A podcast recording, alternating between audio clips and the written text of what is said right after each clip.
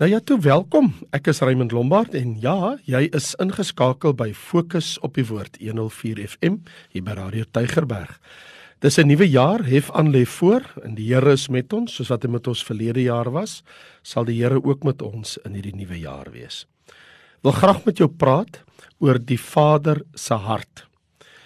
Toe ek kyk na wat A.W. Tozer geskryf het in sy meesterlike studie oor die karakter van God, toe praat hy daar oor the knowledge of the holy. En daar het hy 'n uitdagende stelling gemaak wat ek vertaal het, vry vertaal het wat so sal lees. Wat in ons gedagtes kom wanneer ons dink aan God is die mees belangrike ding oor onsself. Wat in ons gedagtes kom wanneer ons dink aan God is die mees belangrike ding oor onsself. En Touser was reg want hier sê die stelling wat ek dink oor God is belangrik. Wat dink jy oor God?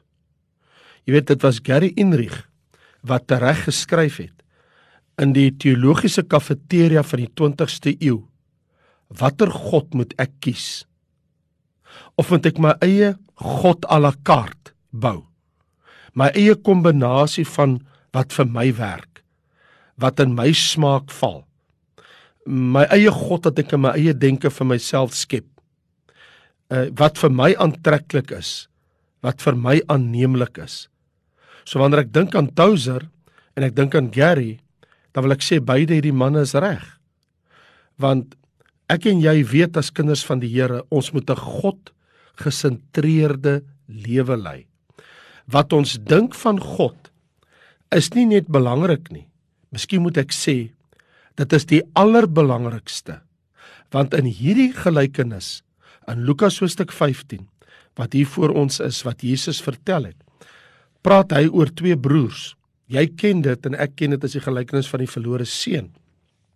Maar wil ek vir jou vandag sê dat ek glo dat die Here Jesus wil nie so seer die klem net laat val op een van hierdie twee broers nie of die verlore seun dan soos wat die gelykenis bekend staan by mense nie maar wil die Here ons aandag vestig op die Vader se hart. Die Vader se hart, die liefde van die Vader. Kom ek bring weer die gelykenis onder jou aandag. Hy het ook gesê, dis nou Lukas 15, nê, daarvan vers 11 af. 'n Man het twee seuns gehad. Die jongste van hulle het vir sy vader gesê: "Vader, gee my die deel van die eiendom wat my toekom." En hy het die goed tussen hulle verdeel. Nie baie dae daarna nie, die jongste seun alles bymekaar gemaak en weggereis na 'n ver land. Daar het hy sy eiendom verkoos deel ons mandig te lewe. En toe hy alles deurgebring het, kom daar 'n swaar hongersnood in daardie land en hy het begin gebrek ly. Toe kom een van die burgers van daardie land en dit het hom in sy veld gestuur om varke op te pas. En hy het verlang om sy maag te vul met die peule wat die varke eet en niemand het dit aan hom gegee nie. Maar hy het tot homself gekom en gesê: "Hoe baie huurlinge van my vader het oorvloed van brood en ek vergaan van honger. Ek sal opstaan en na my vader gaan en ek sal vir hom sê: Vader, ek het gesondig teen die hemel en voor U. En ek is nie meer werd om U seun genoem te word nie. Maak my soos een van U huurlinge." En hy het opgestaan en na sy vader gegaan. En toe hy nog ver was, het sy vader hom gesien en innig jammer vir hom gevoel en gehardloop en hom omhels en hartlik gesoen. En die seun sê vir hom: "Vader, ek het gesondig teen die hemel en voor U. Ek is nie meer werd om U seun genoem te word nie." Maar die vader sê vir sy diensknegte: Bring die beste kleed en trek hom dit aan. Gee ring vir sy hand, skoene vir sy voete. Bring die vetgemaakte kalf en slag dit en laat ons eet en vrolik wees. Want hierdie seun van my was dood en het weer lewendig geword. Hy was verlore en is gevind. En hy het begin vrolik word. En sy oudste seun was in die veld. En terwyl hy al nader na die huis kom, het hy die musiek en beerdsange gehoor. Hy roep een van die diensknegte na hom en vra wat dit beteken. Die sê toe vir hom: "U broer het gekom en u vader het die vetgemaakte kalf geslag." Omdat hy hom gesond teruggekry het. Hy het kwaad geword en wou nie binne gaan nie. Sy vader gaan toe uit en smeek hom, maar hy antwoord en sê vir sy vader: "Kyk, Ek dien U so baie jare en ek het nooit U gebod oortree nie. En vir my het U nooit 'n bokkie gegee sodat ek saam met my vriende vrolik kon wees nie. Maar toe hierdie seun van U kom wat U goed met hoere deurgebring het, het U vir hom die vetgemaakte kalf geslag. Toe sê hy vir hom: "Kind, jy is altyd by my en al wat myne is, is joune. Ons moet tog vrolik en bly wees, want hierdie broer van jou was dood en hy het weer lewendig geword. Hy was verlore en is gevind. Laat my wonder hoe goed ken ons werklik die hemelse Vader se hart. Daar's 'n antieke storie van 'n jong man wat na 'n rabbi toe gegaan het wat hy grootliks bewonder het. En hy sê vir hom: "Rabbi, ek is lief vir jou en ek wil jou volg. Mag ek jou disipel wees?" Mag ek dit word? En die rabbi antwoord hom toe hy sê my seun, weet jy wat my seer maak en pyn in my hart veroorsaak? Nee, ek dink nie so nie, sê die jong man. Nou, hoe kan jy sê dat jy my liefhet as jy nie weet wat in my pyn veroorsaak nie? Vra die rabbi. Nou wil ek vir jou sê in 'n sekere sin moet ek en jy nadink oor hierdie vraag. Hoe kan ons sê ons ken God as ons nie weet wat veroorsaak in God se hart pyn en wat bring blydskap in die Vaderhart. Die Vader wil tog hê ons moet sien dat die Vader se hart brand vir verlorenes en is vol blydskap wanneer die verlorene gevind is. Kom ek neem jou op 'n pad, miskien 'n 'n vreemde of 'n nuwe pad, 'n ander pad in hierdie gelykenis vandag. Gee my my deel, laat my gaan. Dis wat hierdie jong man gesê, die jongste seun vir die vader. Gee my my deel en laat my gaan. Dit moes 'n vreeslike ding gewees het want hierdie versoek moes soos 'n dolk in die vader se hart gewees het. Sy seun vra nie 'n lening nie. Hy vra nie 'n studiebeurs nie. Hy vra nie sy pa moet vir hom borg staan nie. Hy vra sy erfporsie. Hy wil dit nou hê. Wat wat sy seun vir hom inderwaarheid sê is: "Pa, as jy nie gou maak en doodgaan dat ek my deel kan erf nie, ek wil dit nou hê. Ek gaan nie langer wag nie. Gee dit nou vir my." En ek bedoel, hy moes 'n deel van die eiendom ontslaa raak. Hy moes dit verkoop. Nou hy ken sy seun en hy ken sy seun se intensies. Hy probeer met hom redevoer, maar niks baat nie. En uiteindelik moes die vader bes gee. Hy verdeel sy eiendom. Die jong man kry sy deel. Sy oudste broer kry 2/3 want volgens Joodse gebruik kry die eersgebore 'n dubbele deel. So hy kry sy 1/3 en sy vader moet dit verkwansel, hy moet die grond verkoop en dit vir hom gee. En nou sê die teks in vers 13, hy het sy goed gevat en hy het na Verland toe gegaan lewe in 'n ver afgeleë land. Dis wat Jesus ons vertel. En hy het alles verkoos want hy wou mos onafhanklik lewe. Hy verkoop mos alles. En hy sit dit mos nou in geld om. En hy maak die res van sy goed bymekaar en daar trek hy na hierdie ver land toe. Hy het nie net sy vader se huis verlaat nie, maar hy het ook sy vader se God verlaat. Na 'n ver land. Dit beteken 'n heidense land en daar het hy alles verkoos en deurgebring. Want jy sien, vroeër of later bring keuses wat 'n mens maak nagevolge. Sy geld is op en nou is daar hongersnood in die land. Sy lekker goeie lewe is nou net 'n herinnering.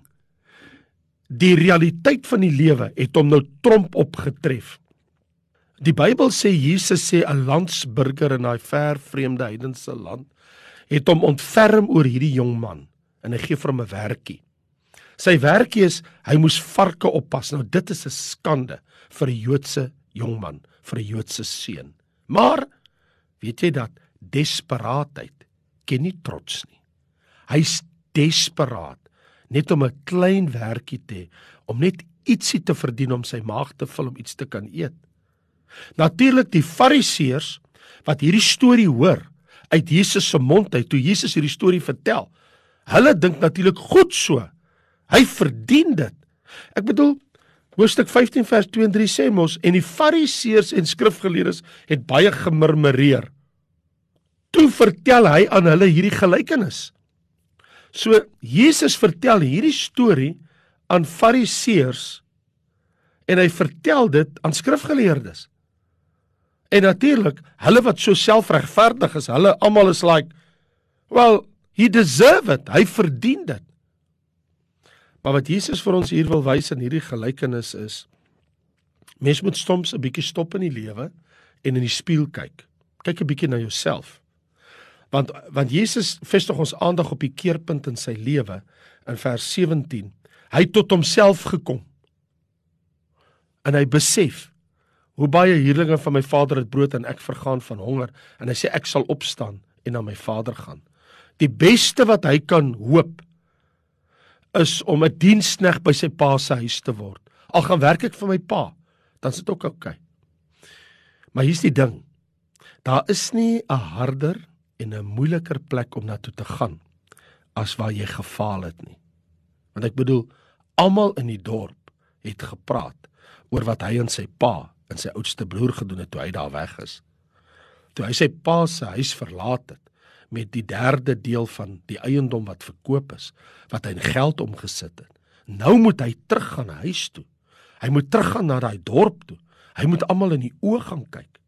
Verstommend. Dat die Bybel vertel vir ons dat Jesus sê hy doen dit toe. En toe sy vader hom van ver af sien, dis ook verbasend. Sy pa was heeltyd op die uitkyk vir hom. Hardloop hy na hom toe En daar staan, hy het vir hom innig jammer gevoel. Die Grieks is splang ets high. Ek weet nie of jy weet wat beteken splang ets high. Splang ets high is 'n woord wat beteken jy's so ontroer, jy's so geraak deur die leed van hierdie ander mens, jou medemens of hierdie persoon dat dit bring jou ingewande ruk in jou. Dis asof daar gaan so skokgolf deur jou en alles ruk in jou. Dis wat die woord beteken. Dis wat innig jammer beteken. Innig jammer beteken dat jy word emosioneel so aangegryp dat jou binneste ruk binne in jou. En sy vader, toe hy sien daar kom sy seun, toe ruk alles hier in hom en hy hardloop en hy omhels hom en die seun begin sommer dadelik in vers 21. Hy sê: "Vader, ek het gesondig teen die hemel en voor U." En sy pa maak hom dadelik stil. Dis al wat hy wou hoor. Ek is jammer. Ek het droog gemaak. Ek het opgemors. En die vader sê: "Genoeg my kind, genoeg." En hy roep vir sy dienaars, hy sê: "Die beste kleed. Bring vir my seun 'n ring. Bring vir hom skoene. Kyk hoe lyk hy. Kom ons slag die vetgemaakte kalf. Ek het geweet die Here gaan my gebed verhoor. Kind gaan huis toe kom. Hy sê: "Kom ons wees vrolik. Laat ons eet, laat ons drink. Kom ons hou 'n partytjie."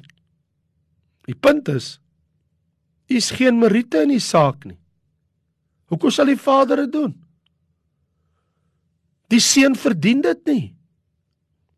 Hierdie is 'n eenvoudige beeld van absolute genade.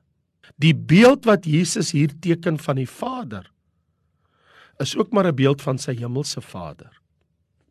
Hy is gou om te omhels as ek in jou naam terugkeer. Hy ontvang die verwerptes. Hy gee nie net die beste kleed nie, maar hy gee ook en hy sal eendag sy eniggebore seun vir hierdie wêreld gee. Jesus het hierdie verhaal vertel en Jesus het geweet dat sy Vader stuur hom na hierdie wêreld omdat hy die wêreld so liefhet. Vader juig oor die herstel van sy seun. Net so juig ons hemelse Vader wanneer een van sy mense herstel word. Dit is nie die God en die Vader wat die Fariseërs ken nie.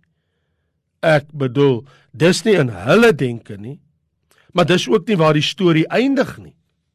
Want jy sien, Jesus gaan so ver as om te vertel maar daar's 'n ouer broer. Van die ouer broer, daar staan in vers 25 en sy oudste seun was in die veld.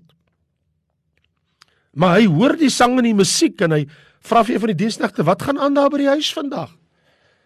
Laat my dink aan ou Mark Twain op sy tipiese sardoniese wyse Sê hy moes eendag geskryf en gesê: "Nadat ek heelwat tyd met goeie mense spandeer het, kan ek verstaan hoekom Jesus graag met belastinggaarders en sondaars tyd gespandeer het." Kom ek sê vir jou. Daar is 'n goedheid wat nie goed is nie. En daar's 'n geregtigheid wat nie reg is nie. Hierdie ouer broer was totaal onsimpatiek oor wat by die huis aangaan. Hy het niks gevoel. Hy het vere gevoel by wyse van spreuke vir sy jongste broer. Die musiek en die beerdsange, dis nie wat hy wil hoor nie. Nie by sy vader se huis nie. En sy ergste vermoede is bevestig. Toe die dienaar vir hom sê: "Jou jonger broer het teruggekom huis toe en vader vier fees." Maar hy wat die oudste seun is, hy sal nie dit aanvaar nie. Nie sy broer wat by prostituie, by hoere was en by in by varke was. Nie sy broer nie. Ek wil vir jou sê die vader kon 'n dienskneg na die ouer broer gestuur het toe hy uitvind sy broer staan na buitekant en wil nie inkom na die feesparty nie. Nee. Hy self gaan na buite die vader. Vers 28 sê sy vader gaan toe uit en hy smeek hom. En hy praat met hom want hy's lief vir albei sy seuns. Hy's lief vir beide sy seuns.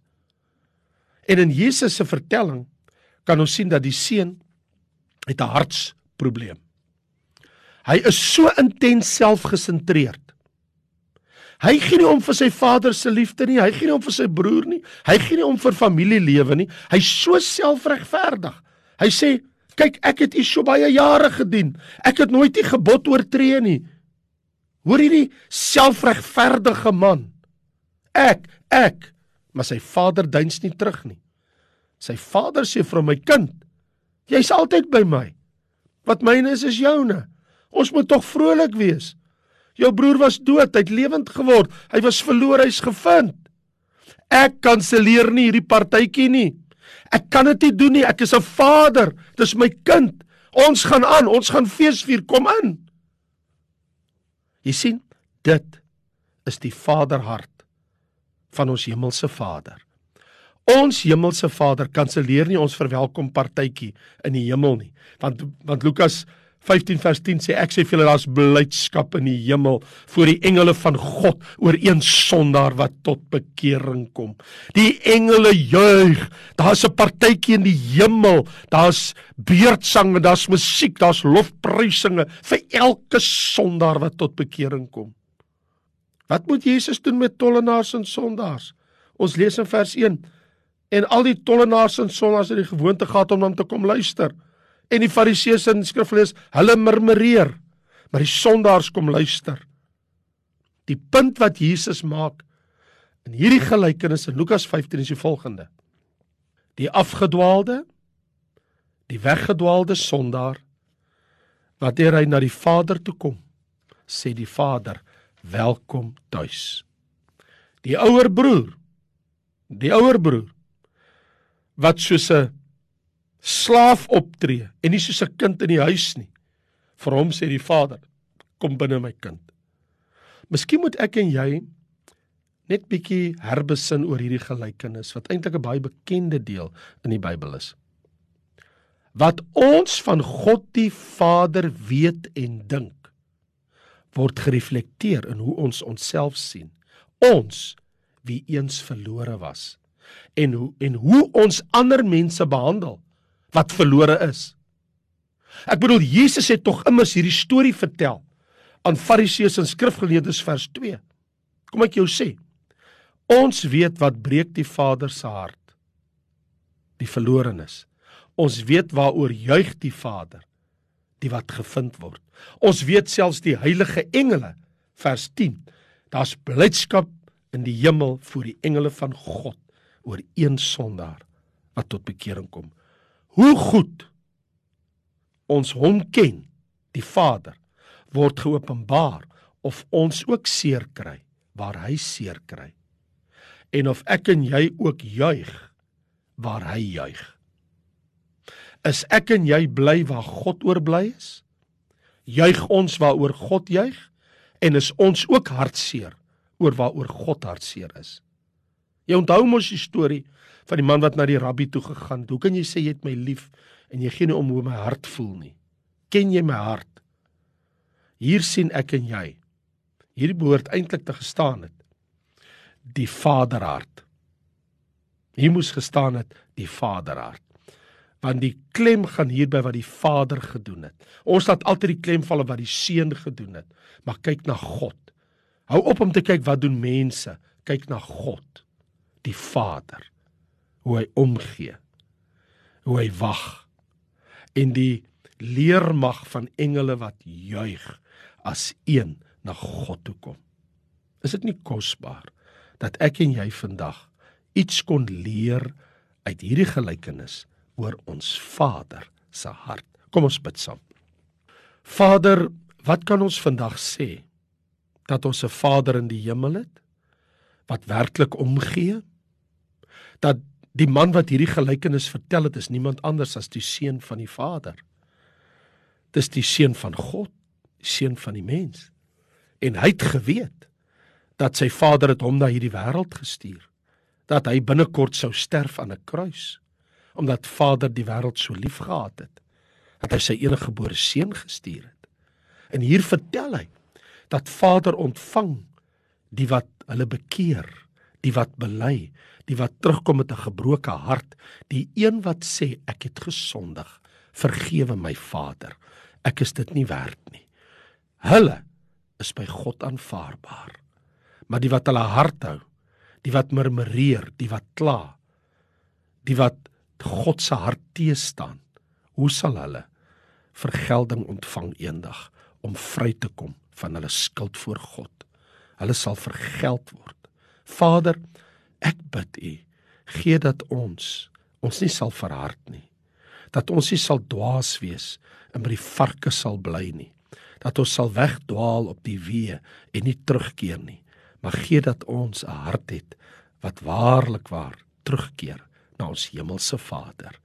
Dankie Vader dat wanneer ek sê Vader, ek het gesondig, vergewe my, dan weet ek hy gee vir my 'n goue ring vir my vinger.